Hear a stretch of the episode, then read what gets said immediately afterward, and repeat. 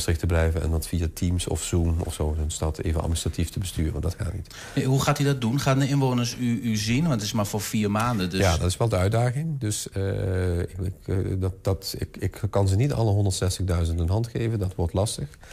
Uh, maar ik zal toch moeten proberen om te laten zien... A, dat de Bovens er is, maar dat die, die zich interesseert voor Enschede... en zich interesseert voor de Enschede'ers. Um, en naast alle de werkzaamheden die je sowieso moet doen... nee, ik zal regelmatig uh, te zien zijn en aanwezig zijn daar waar dat, uh, waar dat kan... of waar mensen mij uitnodigen.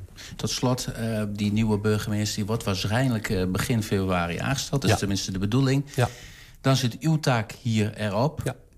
Um, hoe hoopt u dan dat de stad aan die, nou, die paar maanden toch met u terugdenkt? Ja, dat vind ik het lastige. En ik, ik, ga hier geen grootse dingen doen of ze zeggen van, allemaal zaken veranderen. Dus in die zin uh, hoeft de stad niet meteen aan mij te denken, zou ik bijna zeggen. als je het fout doet, is het nog veel gevaarlijker. Dan zeggen ze, oh, blij dat hij weg is. Ik hoop dat men zegt van de stad is in goede conditie. We kunnen goed naar de, de, laatste weken naar de verkiezingen toe. We krijgen een goede nieuwe burgemeester en die, die, die komt hier in een gespreid bedje.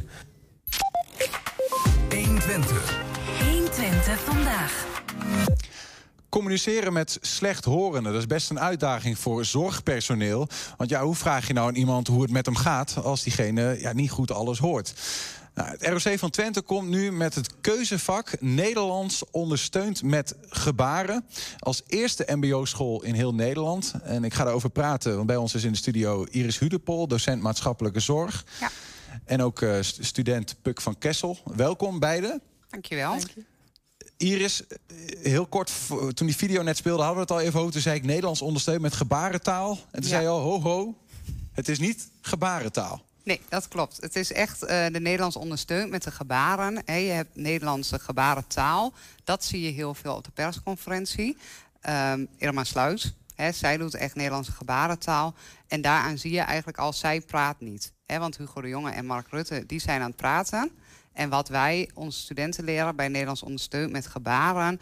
daar ben je aan het praten terwijl je jouw communicatiekracht bijzet met een gebaar. Dus mm -hmm. mensen die moeite hebben met taalbegrip, op wat voor manier dan ook, hè, of met het uiten van taal, die kunnen aan de hand van dat gebaar taal beter begrijpen of beter uiten. Ja, ja. Dat is het idee. Nou ken ik een heleboel mensen die tijdens het praten al van alles met hun handen doen. Ik kan daar zelf ook nog wel eens een handje van hebben. Um, is dat dan, uh, zijn dat de gebaren of zijn ze wat specifieker? Ja, je ziet het mij net ook al doen. Hè. Je zet eigenlijk tijdens dat je praat je um, verhaal al heel erg kracht bij met wat je wil zeggen, met wat je wil uiten. Nederlands gebarentaal gaat echt wel, uh, Nederlands ondersteunen met gebaren gaat echt wel verder dan dat. He, daar, ga, daar ben je bepaalde gebaren aan het maken. Dit is bijvoorbeeld gebaar, he, het gebaar voor gebaar. En je, je zegt bijvoorbeeld, hey, mijn naam is Iris. He, dus mm -hmm. dan zie je eigenlijk dat ik aan het gebaren ben terwijl ik met jou praat. Dus als ik jou wat wil vragen, Hè, dan kijk ik jou ook aan en dan heb ik een bepaalde. Hè, er, zijn vijf elementen, en daar zal ik jullie niet mee vermoeien.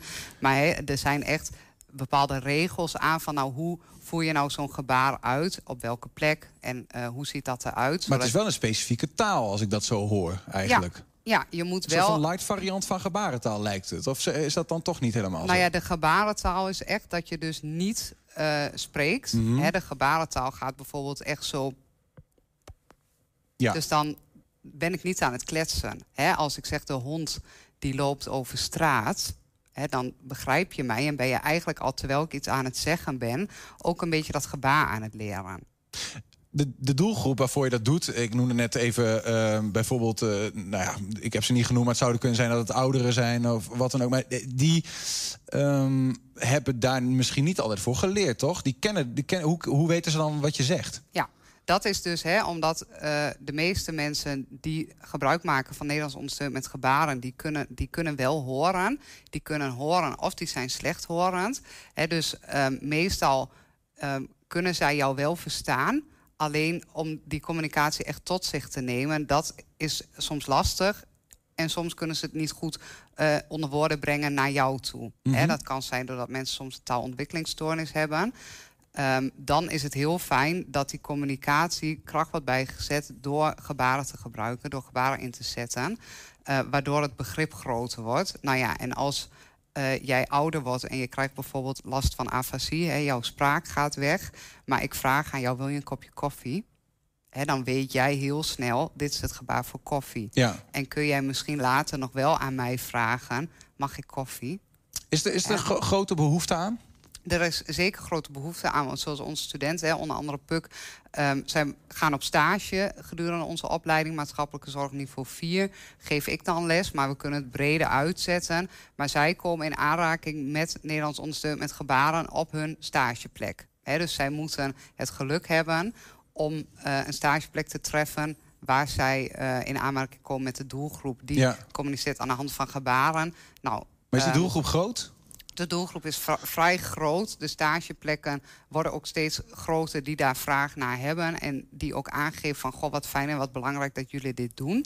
Uh, dus ja, dat, dan rijst de vraag, hoe kan het eigenlijk dat jullie de eerste mbo-school in Nederland zijn... die überhaupt iets meegeeft in het ja. gebaren? Uh... Nou, dat, dat vraag ik mij ook heel erg af. Ik, um, um, ik had um, echt zoiets van, goh, wat jammer eigenlijk dat dit niet in het reguliere onderwijs terugkomt bij ons.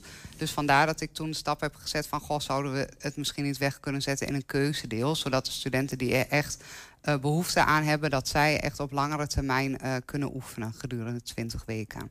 Ja. Puk, ja. jij hebt die keuze gemaakt voor dit vak. Ja. Wat is je studie? Wat doe je? Uh, maatschappelijke zorg niveau 4 en dan specifieke doelgroepen. en wat is dan de specifieke doelgroep?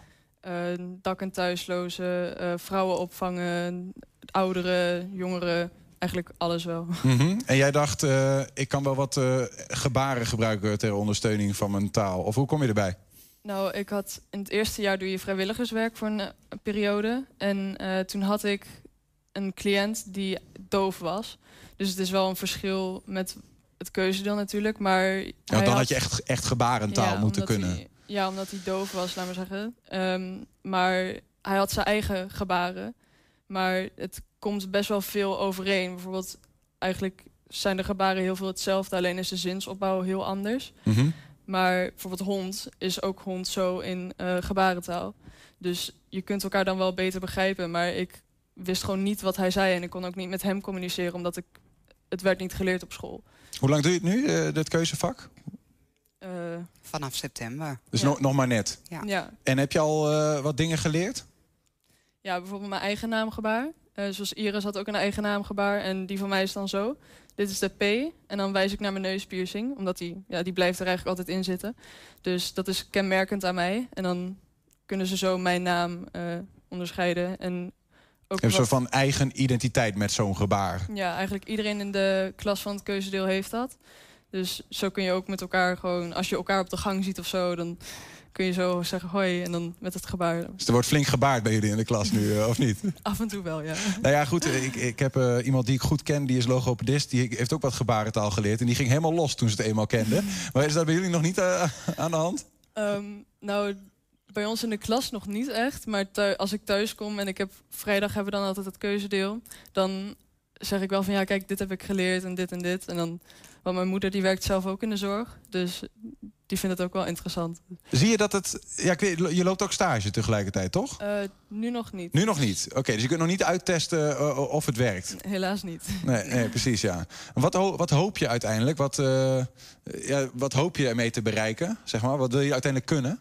Dat ik gewoon kan communiceren met cliënten die slechthorend zijn of een taalontwikkelingsstoornis hebben. Of gewoon dat ik mensen beter kan begrijpen en dat ik ook beter kan plaatsen van wat de cliënt van mij wil. En om hun, laat me ook te kunnen helpen. Want omdat wij natuurlijk de eerste uh, school zijn die dat doen op het mbo... Mm -hmm. uh, betekent dat dus dat er veel mensen zijn die dat niet kunnen. Dus dan, sta je, dan blink je daar wel in uit dat je dat wel kan. Laat. Ja, je hebt dan een extra streepje voor als je ja. solliciteert, bij wijze van. Heb je overigens veel klasgenoten die, uh, die dit nou ook doen? Hoe groot is die groep eigenlijk? Um... We hebben nu elf studenten. En uh, straks gaan de aanmeldingen weer lopen voor het komende half jaar. Uh, wij hebben wel gezegd van nou, we gaan daar wel een drempel in maken. Hè. We hebben nou één groep. Ik geef het samen met mijn collega van Kentales. Zij is ook echt NMG-docent. Dan hebben we onze krachten ook gebundeld. Um, en we hebben wel aangegeven van, nou, we kunnen straks twee groepen maken. Hè, dat Sabine, Sabine Lansing, mijn uh, collega van Ketaris, dat zij één uh, groep gaat draaien, ik de andere groep. Mhm. Maar je moet echt niet meer dan een stuk of 15 tot 20 studenten in één groep hebben. Want je bent echt heel veel aan het oefenen. Je bent heel veel aan het proberen. Het is soms nog best wel spannend om het ook echt te oefenen met elkaar. Het is ook echt belangrijk dat je er elke week bent. Dus we hebben ook gezegd, van, nou, we gaan daar wel een drempel trekken van 30. En die gaan we ook ver ja, Ze staan in de rij? Ja, er is echt heel veel enthousiasme Hoe ziet zo'n les eruit eigenlijk? Wat, wat doe je dan allemaal? Je bent blijkbaar druk bezig. Zit je wel op je stoel? Of, uh... Uh, in het begin zit je meestal wel even op je stoel en dan ga je gewoon even bespreken van dit gaan we deze les doen en gaan we ook um, een beetje herhalen van de vorige les. En wanneer we weer nieuwe gebaren gaan leren, dan sta je meestal op en dan ga je gewoon in een kring staan en dan ga je gewoon oefenen. Is het ook awkward in het begin? In het begin was het heel raar, maar omdat je nu, ja, je kent elkaar nu ook beter, want we hebben al een aantal weken gehad. En ja, het is niet echt meer raar of zo. Ik weet niet. Nee, het is gewoon ergens is dat geswitcht van. Het is gewoon normaal. Wat is je favoriet die tot nu toe is? Dat je naamgebaar of heb je. Um, moet ik even denken ja, de, ja, ik vind mijn naamgebaar sowieso wel leuk. Omdat je. Ja, het is je eigen naam, weet je wel. Dat je duidelijk kunt maken van dit ben ik. Ja. Um, er wordt hier een, gebaar voor gedaan. Uh. Ja, Wat maak je nou voor gebaar?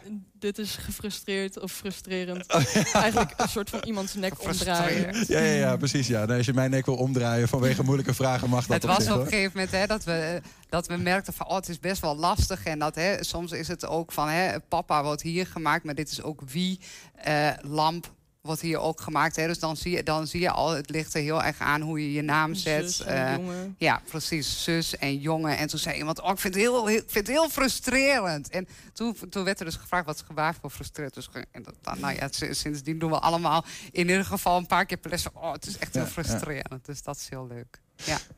Waarom is het eigenlijk geen vast onderdeel? Waarom is het een keuzevak? Uh, ja, dat is een goede vraag. Um, de opleiding is op, op een manier opgebouwd dat zeg maar dat, dat dan kom je in een curriculum terecht. Daar worden bepaalde afspraken gemaakt van wat moet er terugkomen in een opleiding.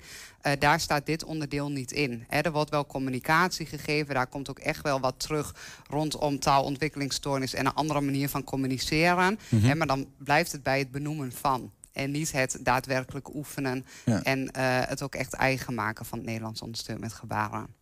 Dus dat, dat is eventueel nog een volgende stap. Ja, wat mij betreft wel. Ja, ja. Of, of, of, toen naar uh, gebarentaal allemaal leren. Of wordt dat too much? Misschien ook wel uh, Nou ja, je zou ook... Hè, wij doen dan nou de Nederlands ondersteuning met gebarenkeuzedeel. Je zou ook kunnen zeggen... Goh, dat gaan we uitbreiden naar een keuzedeel. Nog echt uh, de NGT, hè, de Nederlandse gebarentaal. Maar zou je dat, gaan doen, Puk? Of wil je dit ook wel even goed zo... Nou, nu... Ik wil dit eerst leren, omdat het het is echt superveel. Ook wat je in één les leert is heel veel. En daarom oefen je ook thuis heel veel. Maar uh, als ik dit lammers goed onder de knie heb... dan zou ik het wel willen proberen. Waar ga je het uh, toepassen zelf? Welke kant wil je ongeveer op? Weet je dat dan? Um, Welke doelgroep? ik heb nog geen idee. Alles lijkt me wel interessant. Dus. Ja, je kunt in ieder geval de slechthorenden wat beter uh, te woord staan. Ja. En het is wellicht ook een mooi opstapje. Hè, dat we zeggen van, goh, we bieden het jullie aan. Jullie kunnen dit kiezen. We willen jullie daar graag in ondersteunen. En wellicht worden ze wel geenthousiasmeerd om bijvoorbeeld door te studeren. Hè, dat, ze op, uh, dat ze toch gaan kiezen voor een vervolgopleiding richting gebarentolk. Who knows, dan word je de nieuwe Irma Sluis. Maar voor nu is het gewoon uh, Nederlands ondersteund met gebaren. Iris Hudepul en uh, Puk van Kessel, dank jullie wel. En uh, nou, veel plezier vooral ook. Dankjewel. Dankjewel. Ja, zometeen is de winnaar van The Voice Senior en niet Thijs aanwezig om ons muzikaal in extase te brengen. En we zijn ook als podcast te luisteren via alle bekende platforms. Je vindt daar de hele uitzendingen en elke dag één item uitgelicht. 120. Twente vandaag. Ja, Nederlandse militairen hebben zich van 2002 tot 2021 ingezet voor vrede en veiligheid in Afghanistan. Directe aanleiding waren de aanslagen op de Twin Towers en het uh, uh, Pentagon in 2001 en de Taliban die de macht in Afghanistan in handen had en weigerde mee te werken aan de uitlevering van Osama bin Laden. Trainingsmissies in Uruzgan en Kunduz moesten leger, politie en justitie een stevige positie bezorgen en het vertrouwen van de Afghanen in een nieuwe toekomst voor hun land herstellen. En na de gebeurtenissen van die afgelopen weken heeft die Taliban uh, de touwtjes weer in handen. Dat hebben we waarschijnlijk allemaal meegemaakt. De vraag is eigenlijk, wat doet dat nou met veteranen die daar uh, gediend hebben? Nou, drie van hen, onder wie Enschede John de Jong, organiseren een ontmoeting. En John is hier uh, samen met mede-organisator Gijs ter Horst. Uh, beide welkom. Dank je. Dank je wel. Ja, misschien meteen even de diepte induiken. Um, nieuwsberichten over Afghanistan dat eigenlijk uit de handen glipt van de autoriteiten die er waren. Hoe heb je daarnaar gekeken, John? Ja, met gemengde gevoelens natuurlijk. Ik uh, ben twee keer in Afghanistan geweest. Eén keer uh, missie in Kabul en later in de Oersgan. Uh, ja, echt uh, wat ik al zeg, met gemengde gevoelens. je hebt daar een wederopbouw gedaan in een vechtmissie. je ziet dat dat binnen een no time in één keer uit je handen glijdt. En ook ziet hoe mensen daar moesten vluchten. Ja, dan doet dat wel wat met je als, als militair, maar ook als mens. Wat was, wat was je taak? Mijn taak was onder andere uh, uh, operationele personeelzaken. Ik ga niet inwerden wat, hoe dat, wat het allemaal uh, inhoudt. Maar in ieder geval heeft het te maken met een stukje personeelzorg. Mm -hmm. En dat is iets wat we de mensen hier in Enschede... Enschedeze ISAF-veteranen, laat ze maar even zo noemen... Mm. nog een stukje hulpverlening willen bieden als ze daar behoefte aan hebben. Vandaar die, dat initiatief. Om een inloopdag te organiseren, om met elkaar te delen. Ja. Um, is dat nu extra nodig geworden? Nu dat je ziet van hey, het werk wat wij gedaan hebben lijkt te niet gedaan nee, of is dat, dat te groot? Dat, dat, zo kun je het misschien wel een klein beetje brengen. Maar mij gaat het meer om dat er, uh, dat er ex-militairen zijn die hier ook in de omgeving Enschede rondlopen. Die in Afghanistan zijn geweest. Uh, toch wel ook wel vreselijke dingen hebben meegemaakt waarschijnlijk. En misschien niet de weg weten waar ze naartoe moeten gaan als ze toch nog een stukje hulpverlening willen hebben. En die, dat stukje extra willen wij dan in ieder geval in het duwtje in de rug naar de juiste instantie te sturen. En dat is in dit geval het Veteraneninstituut in uh, Doorn. Gijs ter Horst, uh, ook veteraan, Afghanistan-veteraan. Kunduz. Kunduz. Wat, wat Zes maanden. Ja.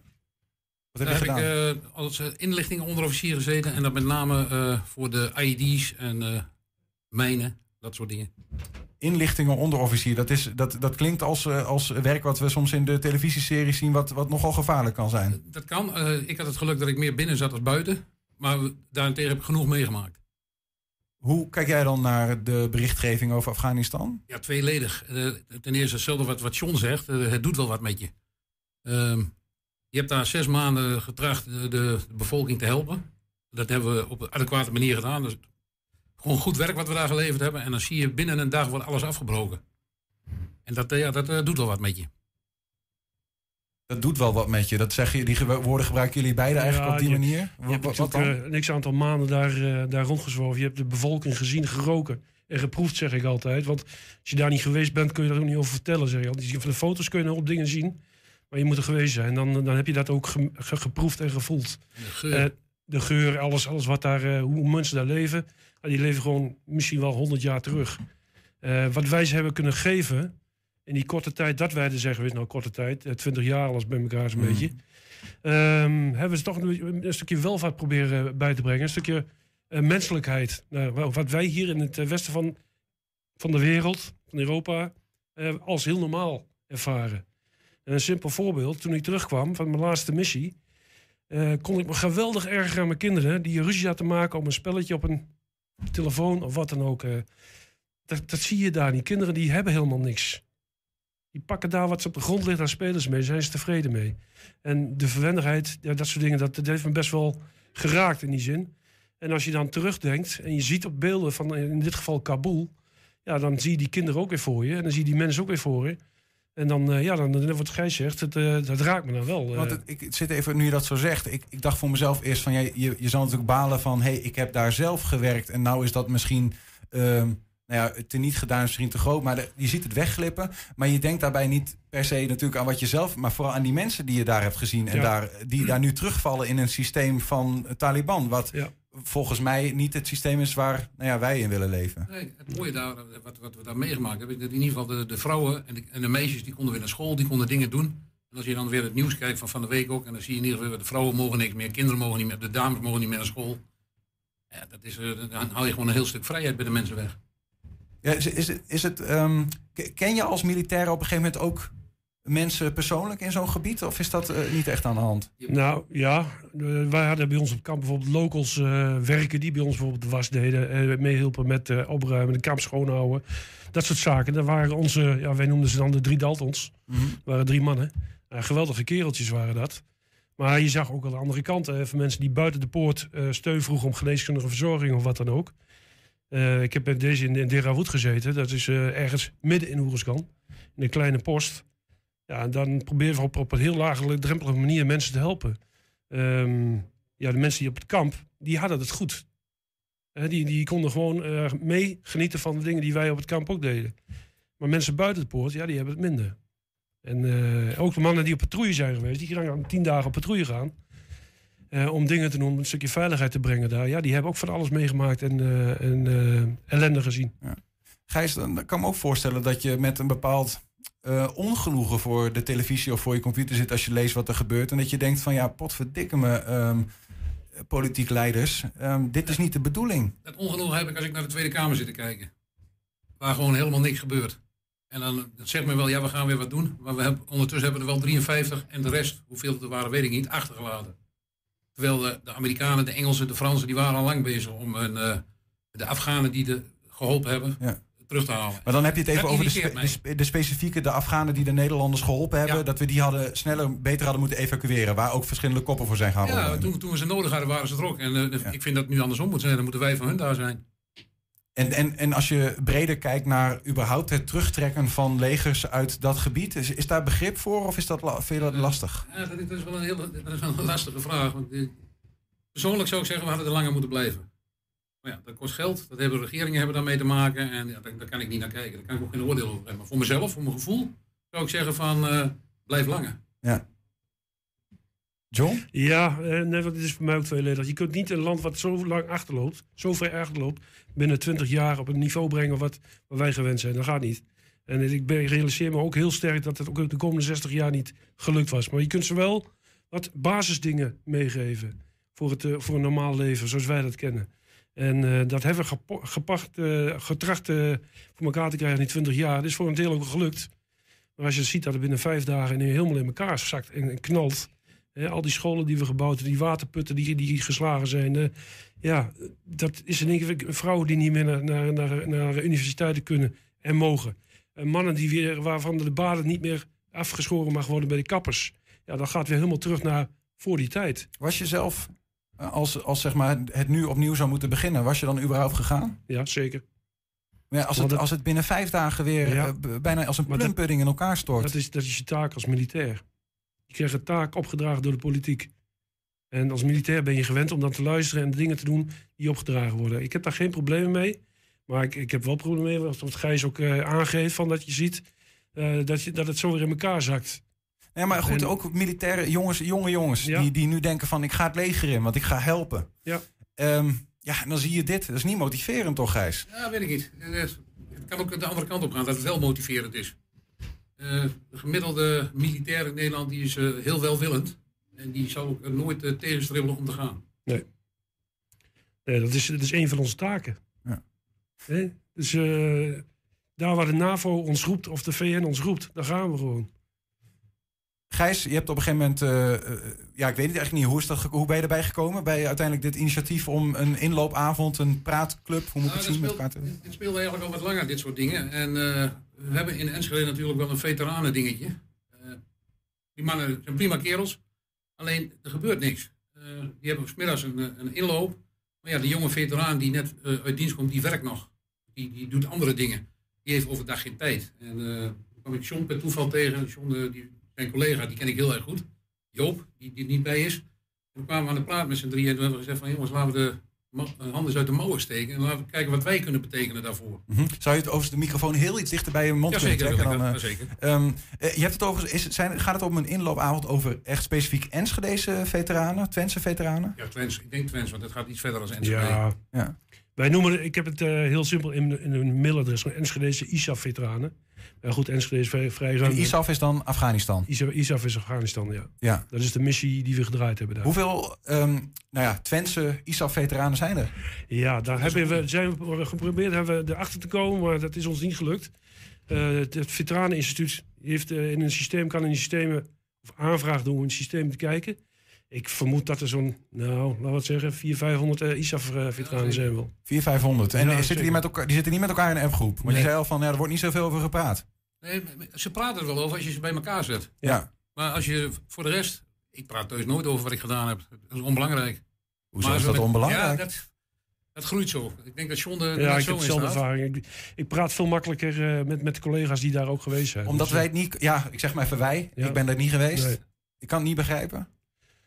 Nou, je kunt het misschien wel begrijpen, maar zoals ik het in het begin al aangaf, je moet het geroken en geproefd hebben. En dan weet je waar je over praat. En, dat, is, dat, is, dat is militair eigen. Uh, dingen samen uh, beleven. Mm onder, onder verzwaarde omstandigheden. Dat schept een band met elkaar. En dit is een van die dingen. Onder verzwaarde omstandigheden met elkaar een taak uitvoeren. Uh, die we gedaan hebben daar. En als je net wat je zegt, als je dat ziet, die taak die we proberen uit te voeren. En voor, voor mijn gevoel ook best wel goed gedaan hebben. Mhm. We hebben heel veel goede dingen gedaan. Ja, als je dat ziet dat het binnen vijf dagen helemaal wegvloeit. Ja, dan doet dat, dat, dan, dat raak je wel dan op dat moment. Wat gaat gebeuren, die, uh, die, die inloopdag? Nou, het is, uh, de bedoeling is dat het een laagdrempelig uh, iets is. En we gaan het ook doen op een militaire locatie hier in Enschede. In de locatie van onze NATRIS-eenheid die hier nog zit. De Foxtrot Compagnie, compagnie heet, het, heet het geloof ik. De, de Wat voor compagnie? Foxtrot Compagnie. Oké, okay, ja. Van 10 NATRIS. Nationale Reserve. Mm -hmm. die locatie heeft zich bereid gevonden om ons daarin te ondersteunen. Dat wilden we gaan doen op 15 oktober tussen 7 en 9 s avonds. En uh, een vrije inloop in die zin dat mensen zich wel moeten kunnen, een paspoort moeten kunnen over laten zien. Of een ID-kaart, anders kom je de trein niet op natuurlijk. Het is wel een militair complex. Ja. Uh, daarvoor heb ik ook een, uh, een e-mailadres vrijgegeven. Die, die ga ik op Facebook zetten. en misschien dat de Tubantia daar ook nog iets in kan betekenen. En huis en huis, dat hoop ik wel. Dan kunnen ze het ook daarin lezen. En dan willen we op een laagdrempelige manier die mensen met elkaar in contact brengen. Daarnaast willen ze een stukje op weg helpen met flyers vanuit het uh, Veteraneninstituut. Om mensen die behoefte aan hebben aan hulp, dus die echt uh, een beetje in de knoop zitten hierdoor, die kunnen we verwijzen naar het Veteraneninstituut om van daaruit de juiste professionele hulpverlening te kunnen bieden. Dat geldt voor ook alle ex militairen, ex-veteranen. Of veteranen in dit geval, ex-militairen. Dus uh, als je je in dit verhaal uh, herkent, of je bent gewoon veteraan die heeft gediend in Afghanistan, uh, dan ben je in principe van, van harte welkom. Ja. ja. Um, is, is, er, is trouwens zo'n zo'n oproep hier per se nodig? Of is er nog een manier waarop jullie die mensen kunnen ook specifiek bereiken? wel, uiteindelijk via Facebook ook wel. Want, ja. Ik denk dat we beide allebei wel heel veel followers hebben, ook uit onze militaire carrière nog. En dan bereiken we ook wel mensen en dan wordt het wel verspreid. Is zoiets trouwens niet, vroeg ik me ook af, ja, is, is, is Defensie ook niet, uh, heeft Defensie niet ook een taak om dit soort dingen te doen? Defensie doet wel uh, genoeg. En Defensie heeft ook in zijn publicaties daartoe wel mensen opgeroepen. Mm -hmm. uh, maar Defensie is het enige wat ze kunnen doen, met name de veteranen die je niet bereikt. Want heel veel veteranen zijn wel gebonden in een veteranenvereniging. maar wij zoeken juist die man, mannen die eigenlijk helemaal geen, geen achterban hebben, een militaire achterban meer hebben. En die nog steeds zoekende zijn. En die zijn er ook zat. Ik weet vanuit mijn operationeel personeelzorgervaring best wel dat heel veel mensen, veteranen die de diensten zijn gegaan, die uh, met een trauma rondlopen. Met een PTSS-achtig iets nog steeds rondlopen. En uh, we proberen toch die jongens ook nog eens een klein beetje een steuntje in de rug te geven van luister, ook dan biedt Defensie nog hulp aan jullie, ook al ben je ex-militair. Ja. En dan kan alles nog geregeld worden via het Veteraneninstituut. Precies. En die, even die, tot slot dan, die uh, dag, die avond die jullie nu organiseren... is die specifiek voor Afghanistan-veteranen? Of ja, wij willen dit uh, met name wel voor Afghanistan-veteranen bieden... omdat ja, met name nu heel actueel natuurlijk de val van Kabul is. Ik noem het maar even de val van Kabul. Of de evacuatie van, uh, van de mensen die met Nederlandse militairen hebben gewerkt. Dan wel de extractie, want zo zag het er ook een beetje uit. die paniek die daar, die daar hoogtij vierde... Um, ja, de, voor met name ISAF uh, mensen die, die daar een, toch een tweeledig gevoel bij hebben. Laten we daar maar even op houden. John de Jong en uh, Gijs de Horst, dank voor, voor jullie komst. Um, voor de openhartigheid, over jullie gevoel uh, erbij. En nou ja, veel sterkte met elkaar. Om het met elkaar ja, te, te, bespreken en nou ja, de gevoel een plek te geven. Dankjewel. Graag gedaan. 120. 120 vandaag. Ja, en heb jij nog uh, een, een vraag, een verhaal of iets anders? Mail dat dan even naar info.120.nl 120. 120 vandaag. Ja, Niels, um, jij, uh, jij staat bij ons uh, volgens mij in de studio, als ik dat zo goed heb. Ja, dat klopt. En daar ben je niet alleen. Nee, zeker niet alleen. Je moest hem even zoeken tussen het hoogpolige tapijt. maar daar is hij hoor. Henny Thijssen is bij ons. Jawel. Henny, goedemiddag. Ja, moet je nou goeiedag zeggen, zoals je zo begint. Sorry. Henny, hoe is het? Ja, goed hoor. Met jou ook? Um, ja, ja best goed. Ik geloof je niet meer wat je nu zegt. Nee, ja, ik zit even na. Ik ben altijd in zo'n uitzending. Is het één grote uh, waas van informatie die voorbij komt. Je maar weet nog wel wie je bent. Ja, ik ben, ik ben Niels Veurink, geboren in Enschede. geboren in Winschoten, daar gaat het al niet goed. Okay.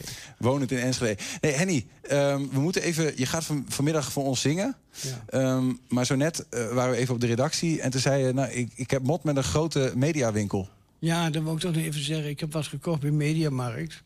En die mensen die kloppen daarvoor geen meter. Die, uh, die beloven mij wat te brengen. En dat doen ze dan gesplitst. Vervolgens komen ze dus zonder afspraak, staan ze in één keer voor de deur. Dan maken ze een nieuwe afspraak. Dat moet dan ook, want anders dan moeten ze het weer meenemen. Dan komen ze langs, dan brengen ze eerst de helft mee van wat ze beloven. Dat zetten ze er neer en dan komen ze uh, twee, drie dagen later het andere brengen. En dat willen ze dan niet plaatsen, of het andere, uh, omdat het andere dan moet blijven staan... omdat die uh, niet geplaatst kon worden omdat dat niet kon op dat moment. Dus ik had een wasmachine en een droogtrommel. Eerst kwam de droogtrommel, toen namen ze de wasmachine niet mee. Toen kwam de wasmachine en toen konden ze de droogtrommel niet meer plaatsen. Want dat, mag, dat is een bepaalde filosofie, een bepaalde manier van hoe ze daar werken. Nou, ik ben heel erg boos geworden. En toen? En uh, ja, dat liep bijna op slaande ruzie uit, mag je best weten. Want ze wou gewoon niet, ze wou de, uh, uh, de, de, de droogtrommel niet plaatsen.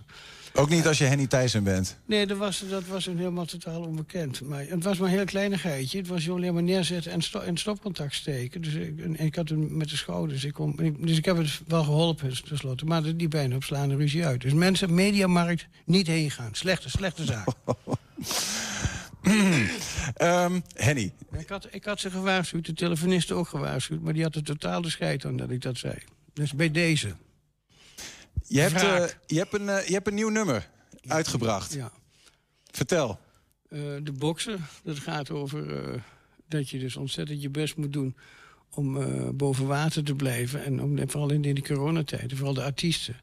Dat je moet knokken om in leven te blijven. En, ja, om de, de, dingen te blijven doen wat je graag wil doen. Maar dat hebben we niet alleen... Maar bij, bij ons vak is dat wel heel erg. Maar dat hebben we heel veel zaken hebben er last van. In de horeca ook. Dus ik bedoel, dat slaat het eigenlijk op dat je echt uh, moet blijven knokken om uh, door te kunnen blijven gaan. En letterlijk uit het leven van ja. de afgelopen tijd gegrepen. Ja, ja, maar het, heeft het ook nog een persoonlijke verbinding met jou? Heb jij gebokst ooit? Ik moet, ik moet, ook ontzettend knokken. Dat zie je weer met die mediamarkt weer. ja, maar je hebt niet ooit zelf in de ring gestaan ook? Ja, ik heb twee keer, twee, twee keer in de ring gestaan, ja. Ja, en hoe, hoe doe je het in de ring? ik heb één verloren en één gewonnen. Oké, okay, dus dat blijft nog een beetje in het midden. Ja. Um, die ga je zo meteen voor ons zingen. En, en uh, dan komen we nog weer bij je terug. En dan, dan is het... Um, laat me...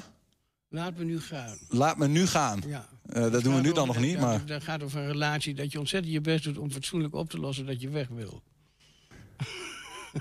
We gaan het zien. Henny Thijssen, je begint met uh, de bokser. Nee, je begint met Laat me nu gaan. Je begint met Laat me nu gaan. Ja, ja. En dan uh, straks komen we bij je terug met uh, de bokser. Ja. Veel plezier, Henny. Okay, Zet hem op. Dankjewel. Dankjewel. Laat me nu gaan, Henny Thijssen.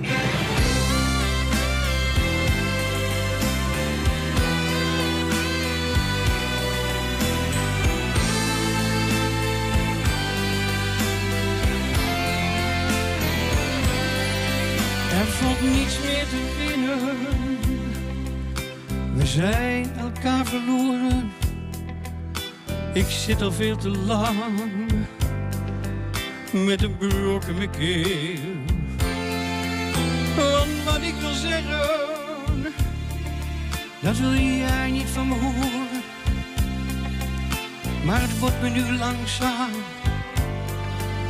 toch allemaal te veel.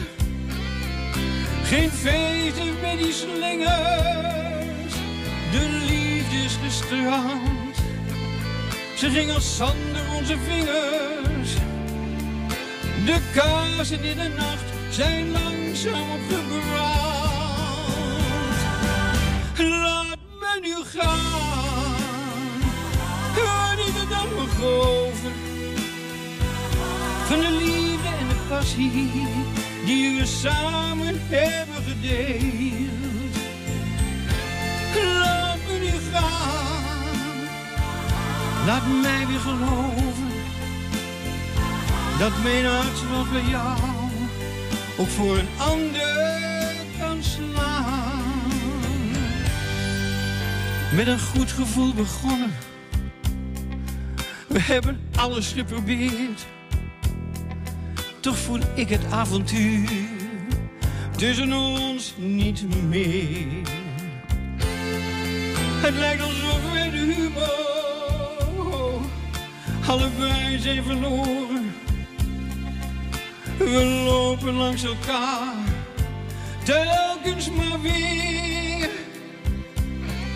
Al geef je nu nog geen taal of teken, wat ik tegen je zeg. Maar ik heb niet zoveel weken. En daarom dat ik je zeg. Laat me nu gaan. Wat is er dan over? Van de liefde en de passie die we samen hebben gedeeld.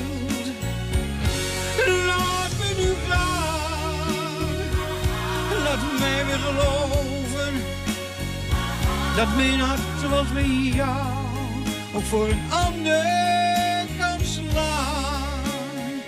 Dat mijn hart zoals bij jou ook voor een ander kan slaan. Laat me nu gaan. Wauw. Laat me nu gaan van Henny Thijssen. Straks heb je nog één nummer te goed en dat is De Boxer van Henny Thijssen. Maar we gaan nu eerst wat anders doen. 120. 120 vandaag. Hengelo krijgt morgen hoog bezoek. De demissionaire onderwijsminister van Engelshoven is namelijk erg onder de indruk van het Twentse toptraject. Dat traject wil de doorstroming van middelbaar naar hoger beroepsonderwijs beter gaan maken. Of beter maken, doet het eigenlijk al. Docenten en leerlingen die daaraan meedoen, die gaan morgen met de minister in gesprek op een eh, symposium in het Rabo Theater. De programmamanager van Toptraject is bij ons aangeschoven, Stefanie van Tuinen. Stefanie, goedemiddag. Ja, vliegende start. Ja, het, is een, eh, het, het is never a dull day. hier Bommetje, eh. bommetje volle show. Ja, bommetje vol, ja. Goed zo. Stefanie, heb je de rode loper al klaar liggen? Eh, ik niet, daar heb ik een programmateam voor. Hè. Dat Kijk, is eh, kijk, heel dat is goed chic. gedelegeerd. Ja, ja, ja, precies, ja, ja. Nou ja, Ja. eh, Maar de laatste voorbereidingen zijn die nog, of is alles al in de puntjes klaar? Of, eh? nou, vorige week hadden we wel eh, op een gegeven moment een moment dat we zeiden van, eh, nou, alle, ja, er kunnen mensen ziek worden of de hemel kan naar beneden vallen, maar voor de rest is alles geregeld. Dus, ja, ja. Hey, Zo'n toptraject, hè? een doorstroming van, ja, betere stroming van middelbaar naar hoger onderwijs. Is dat eigenlijk nodig? Ja, dat is eh, nogal nodig. Eh, het blijkt namelijk dat eh, best veel leerlingen die op VMBO starten, uiteindelijk in het HBO terechtkomen. Maar dan in het eerste jaar is de uitval veel groter dan als je dat vergelijkt met havisten of VWO'ers die naar het HBO gaan. Dat is eigenlijk ook een beetje gek, toch? Want wat je, je, hebt- je hebt een diploma. Bijvoorbeeld straks, je gaat van VMBO naar MBO, je doet MBO 4, eh haalt een diploma. Dan verwacht je dat je eh, genoeg ontwikkeld bent om Ja. HBO te kunnen doen. Dat je genoeg bagage hebt, inderdaad, om eh, dat te doen. En normaal gesproken zou je zeggen: eh, ja, dat is goed onderwijs. En dat zou goed geregeld moeten worden. Maar we zien al jaren eigenlijk Het wordt wel steeds minder door het toptraject, want we bestaan natuurlijk al een tijdje. Maar uh, je ziet toch dat uh, uh, dat soort studenten uitvallen. En dan met name op het gebied van taal- en rekenvaardigheden, studieloopbaanbegeleiding. En ja, meer de, de loopbaanoriëntatie. Dus zit ik op de juiste plek en ja, kan ik wat ik wil en wil ik wat ik kan. Jullie hebben een uh, video gemaakt met TopTrack van een aantal leerlingen die vertellen waarom ze meedoen aan het traject. Oké. Okay. Op het VMBO begon ik al met het TopTrack. Hier werd ik voorbereid met moeilijke taalopdrachten en rekenen. Ik twijfelde eerst of ik het HBO-niveau wel aankon. Doordat ik nu TopTrack volg, doe ik bepaalde opdrachten om HBO-vaardigheden te leren kennen. En daardoor weet ik of ik het HBO wel aan kan. Op het MBO leer je door verschillende topklasses en aanvullende lesstof steeds meer HBO-vaardigheden. Zoals samenwerken, presenteren, kritisch analyseren en rapporteren. Ik begin straks op het HBO en omdat ik het toptraject gevolgd heb, weet ik waar ik volgend jaar aan toe ben. Om mijn droomruimte te bereiken als gespecialiseerd verpleegkundige maak ik nu dat extra stapje en volg ik het toptraject.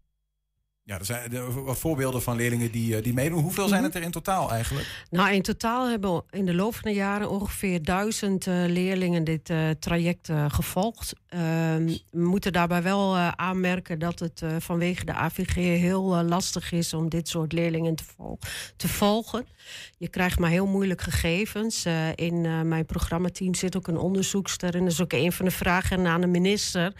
Van ja, het is wij varen wel bij onderzoek, zeg maar. Wij baseren al, al, onze activiteiten op basis van onderzoek.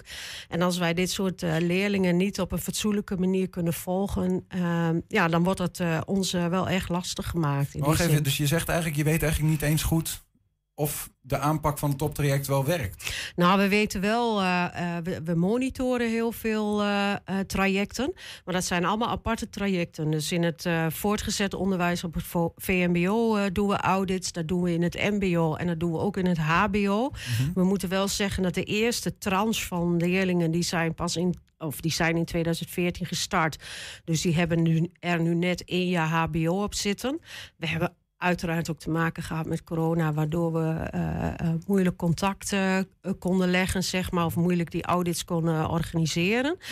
Mm maar uh, ja, de crux zit hem eigenlijk in het koppelen van al die gegevens aan elkaar. En dat uh, schijnt heel ingewikkeld te zijn, omdat elke instelling heeft zijn eigen systeem. En de gegevens bedoel je dan eh, de MBO-instellingen en de HBO-instellingen bijvoorbeeld? Ja, en ook de VO-instellingen. En het, en, het, uh, uh, en het gebruiken van die gegevens heeft te maken met de wet op de privacy. Ja. Waardoor je die gegevens ja, heel moeilijk beschikbaar krijgt. Wat ik me afvraag, deze leerlingen, we hebben er net een, paar voorbeelden van gezien. Um, die zitten in dat traject. Betalen die daar dan ook extra voor of iets dergelijks? Nee, die betalen daar niet extra voor. In die zin dat sommige bovenschoolse trajecten, uh, die volgens buiten uh, hun reguliere programma, dus er komt uh, bij. Dus dat volgen ze eigenlijk na school. Dus ze moeten wel wat extra inzet tonen, zeg maar. Maar hoe kom, hoe kom je dan aan de capaciteit om het te kunnen uitvoeren, om ze te kunnen helpen?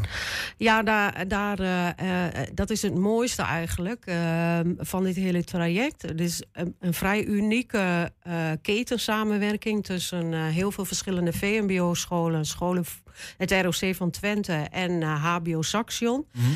En inmiddels zijn er ook in de rest van de regio, in andere regio's, dit soort trajecten gevolgd. Of die volgen, zeg maar. Maar het mooie hiervan is eigenlijk dat. Uh, we in die ketensamenwerking uh, uh, de loopbaan van die student, die leerling, heel erg centraal hebben gezet. En daar kregen we de handen voor op elkaar. En het is dus op allerlei niveaus, op bestuursniveau, op directieniveau, maar ook op het niveau van docenten en colleges binnen het ROC eigenlijk uh, aangepakt, zeg maar, om die, die student of die leerling die die ambitie heeft om ja. naar het HBO door te stromen, om die wat extra ondersteuning te bieden. Maar toch, toch uh, zitten niet al die leerlingen. Um uh, sowieso al in zo'n traject. En dat verbaas ik me dan eigenlijk over dat het blijkbaar wel kan. Hè? Dat, dat de capaciteit er is om te helpen. Mm -hmm. um, want er zijn natuurlijk heel veel MBO-leerlingen of VMBO-leerlingen die uiteindelijk naar het HBO of het WO toe willen. Ja, Uh, een aantal, niet, uh, lang niet alle. Ons traject is er eigenlijk ook voor bedoeld. Uh, de, sommige leerlingen, studenten komen er gaandeweg ook achter van... ja, mijn ambities of mijn kennis en kunde ligt veel meer binnen het mbo. Dat heb ik dan ook geleerd van het toptraject. Dat, dat zorgt ook voor minder frustratie, zeg maar... als je eventueel doorstroomt naar het hbo. Want we Mhm. hebben nog steeds, nou, dat hebben we in coronatijd gezien... ontzettend veel hele goede mbo'ers nodig... Uh, maar voor die studenten en leerlingen die dat wel willen, is er extra kans. Maar ik moet wel zeggen, 12 van de 14 scholen voor VMBO in de regio Twente, die uh, bieden dit traject aan aan hun leerlingen. Ja. Dus, uh, De- Ze hebben de kans om mee te doen. ja, zeker. Ja. En in het MBO kunnen ze dan ook op eh, in diverse colleges allerlei trajecten. Er is een bovenschoolstraject, er zijn MHBO-routes. We hebben zeg maar in die hele loopbaan van die student bieden we allerlei activiteiten aan om het eh, die student en die leerling eh, te vergemakkelijken. Daar komt het eigenlijk op neer. Morgen dan komt eh, de minister op bezoek van Engelshoven, demissionair minister. En die wilde van alles over horen. Wat gaat daar eh, allemaal gebeuren dan? Staat zij centraal op die bijeenkomst? Nee, zeker niet. De studenten en de leerlingen staat uiteindelijk centraal. Het is een symposium bedoeld om elkaar te inspireren. Er zijn verschillende eh, regio's waar dit eh, net start. Dus eh, heel veel van die deelnemers die willen geïnspireerd worden. Wat leuk is dat we gewoon heel veel studenten en leerlingen bereid hebben gevonden om gewoon een actieve deelname te hebben. Zowel in, het, in de organisatie als in allerlei inspiratiesessies waar eigenlijk altijd een student of een leerling naast iemand die vanuit vanwege zijn docentschap of vanwege zijn bestuurschap eh, iets doet in dit traject. En, en de minister die komt daar wel echt ook specifiek kennis halen om uiteindelijk eventueel iets mee te doen, toch? Ja, de minister was, eh, die moet antwoord geven. Er is een, een, een motie aangenomen, eh, door El, die is ingediend door Kamerlid El Yazini. En die motie die komt erop neer dat zij wil, eigenlijk willen onderzoeken in hoeverre het toptraject een voorbeeld kan zijn voor de rest van Nederland. En dan met name in de doorstroom van MBO naar HBO. Want in het HBO op Saxion, eh, eh, en dat valt eigenlijk een klein beetje buiten het toptraject, maar op dit moment worden daar verschillende associate degrees ontwikkeld. Associate degrees, dat zijn tweejarige HBO-opleidingen. En je kunt je voorstellen als je een VMBO-opleiding hebt gehad en een vierjarige MBO-opleiding. En je wil dan door naar een HBO, dat die stap van nog weer eens vier jaar HBO fulltime, dat dat soms best een grote stap is. Als je dat ook kan knippen in twee jaar Mhm. en daar ook een, een goed diploma voor krijgt. En misschien dat je daarna zegt, ik wil toch nog die twee jaar daarna ook nog doen. Ja. Maar die extra knip is, is, eh, is heel aantrekkelijk voor juist die MBO-leerling die doorstroomt naar het HBO. Daar wil, wil ze onderzoek naar doen. Überhaupt naar die hele loopbaan zeg maar, van die student in dat toptraject. In die ketensamenwerking, hoe wij dat eigenlijk eh, in Twente geregeld hebben. En dat Mhm. schijnt een vrij eh, uniek eh, concept te zijn als je dat vergelijkt eh, vanuit landelijk perspectief. En succesvol. En redelijk succesvol, ja, zeker. Ja, zeker, ja. 2014 begon het in Twente. 2018 werd het in eh, de Achterhoek en de Stedendriehoek. Hè, Deventer, Apeldoorn, Zutphen. Ja. En 2022, vier jaar later, hele land? Is dat? Eh, nou, ik ga voorlopig even over Twente. Ik ben nog niet zo heel lang programmamanager. Ik heb mijn voorganger Steven van der Voort per 1 juli opgevolgd. Ehm, ja, mijn eh, voornaamste doel is uiteindelijk toch eh, dat ehm, dit eh, speciale programma eigenlijk niet meer nodig hoeft te zijn. Eh, dus, Dat het eh, onderdeel is geworden van... ja, dat het opgenomen wordt in het reguliere curriculum van een VO, eh, VMBO-school, een MBO-school en in het HBO. En dat er gewoon beter op maat, eh, zeg maar, onderwijsaanbod eh, geboden wordt aan deze leerlingen en studenten. Als je naar het HBO wil, dat het ook gewoon... eh, dat je de middelen er zijn voor iedereen om Ja, het gewoon te Dat kunnen. is nu al zo, maar dat zou eigenlijk normaal moeten zijn. Stefanie van Tuinen, dank en eh, veel plezier morgen. Bij ja, dankjewel, dankjewel. Doe de groeten aan minister van Engelshoven. Ja, ik zal het doen voor jou, ja. Ik zal zeggen de groeten van Niels. ze kent mij denk ik niet, maar je, je weet het nooit, hè? Nou ja, we zullen zien. Misschien. Straks collega Wilco Lauwers is bij de presentatie van de begroting van gemeente Enschede. Maar eerst, dames en heren, zoals zojuist beloofd, nog één keer Henny Thijssen. En ditmaal met het nummer De Bokser.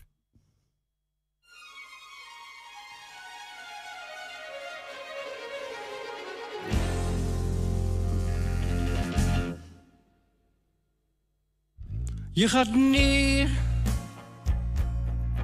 maar je staat weer op. Je verbijt de pijn, want opgeven dat is zonde.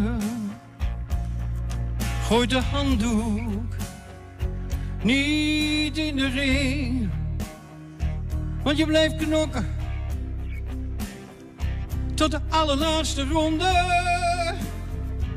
Soms laat het leven je alle hoeken zien en word je gered door de bel. Ben je even aangeslagen, toch blijf je strijden tot de allerlaatste tel. Zo is het leven, stipt alles en geven. Je hangt in de touwen, toch blijf je op de been. Want zo is het leven, steeds alles gegeven. Als je wint heb je vrienden en ben je nooit alleen. Het heeft geen zin om terug te kijken. Als er iets niet weer is gelukt. Het heeft geen zin om te blijven zeiken. Om de dingen die zijn mislukt. Want zo is het leven. Je moet nemen en geven. Je hangt in de touwen. Toch blijf je op de been. Want zo is het leven, steeds alles gegeven. Als je wint heb je vrienden en ben je nooit alleen. Oh.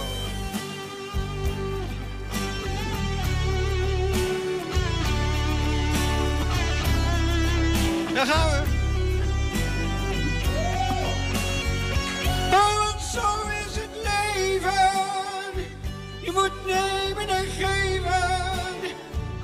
Als je wint heb je vrienden. En ben je nooit alleen. Nee, nooit alleen.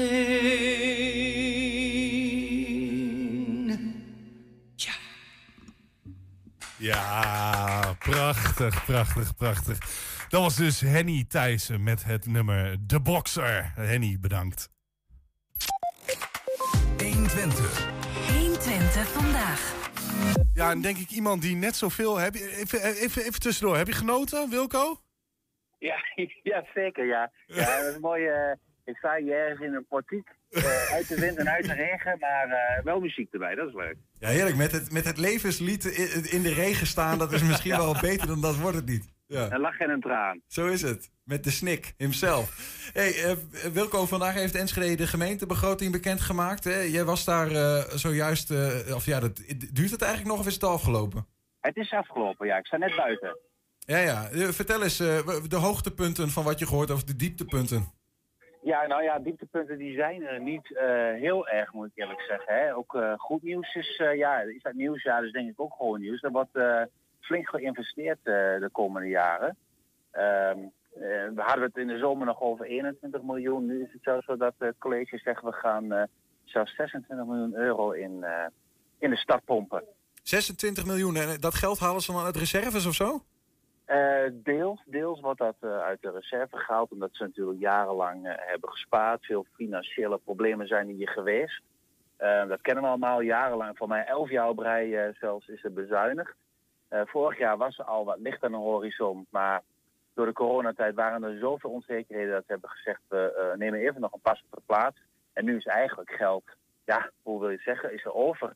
En dat geld gaan ze dus nu gebruiken om in de, in de stad te steken. Bijvoorbeeld in woningbouwprojecten zoals de Kromhof.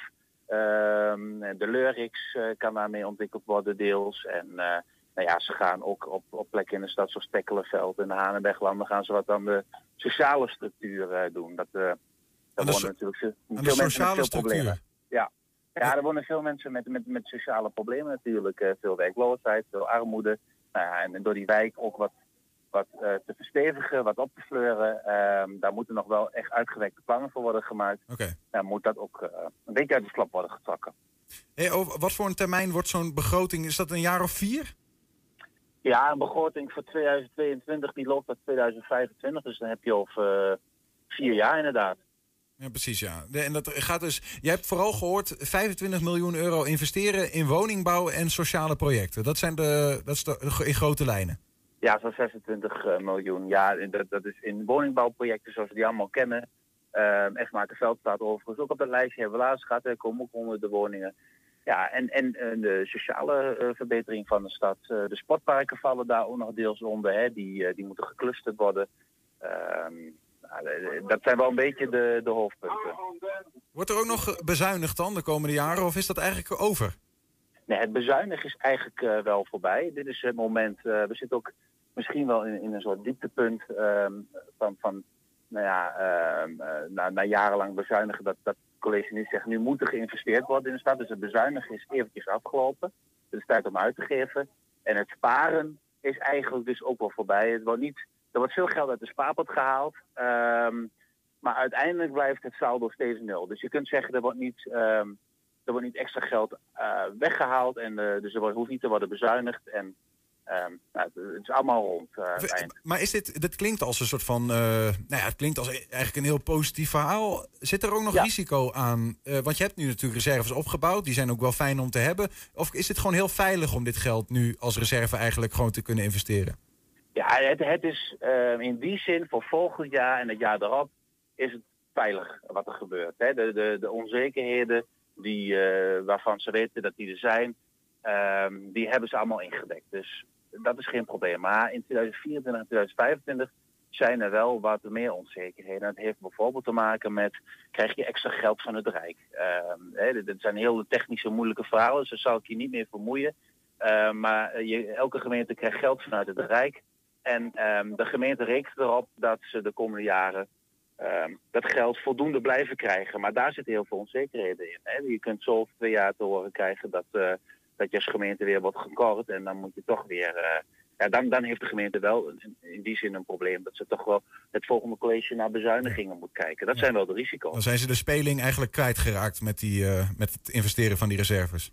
Ja, ja, maar de hoop is natuurlijk ook dat door, door te investeren, dat, ja, dat je een soort wat je kent met de negatieve spiraal, hè, dat je ook de andere kant op een positieve spiraal, spiraal kunt krijgen.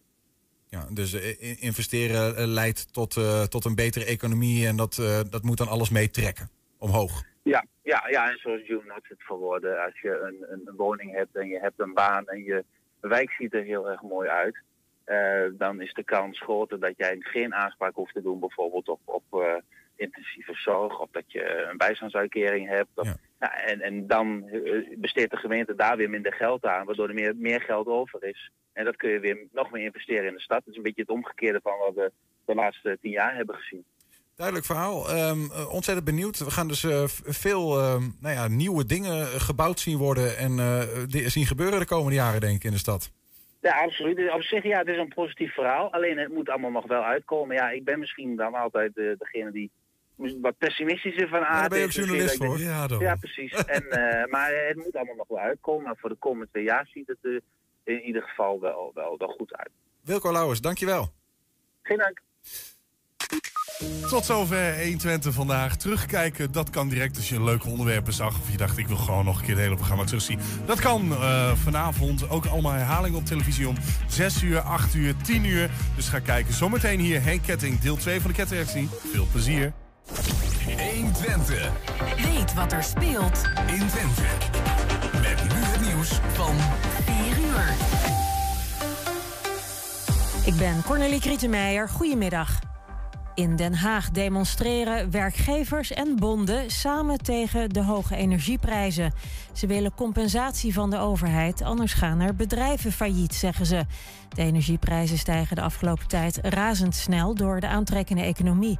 Zo is de gasprijs met 60% omhoog gegaan. Het kabinet gaat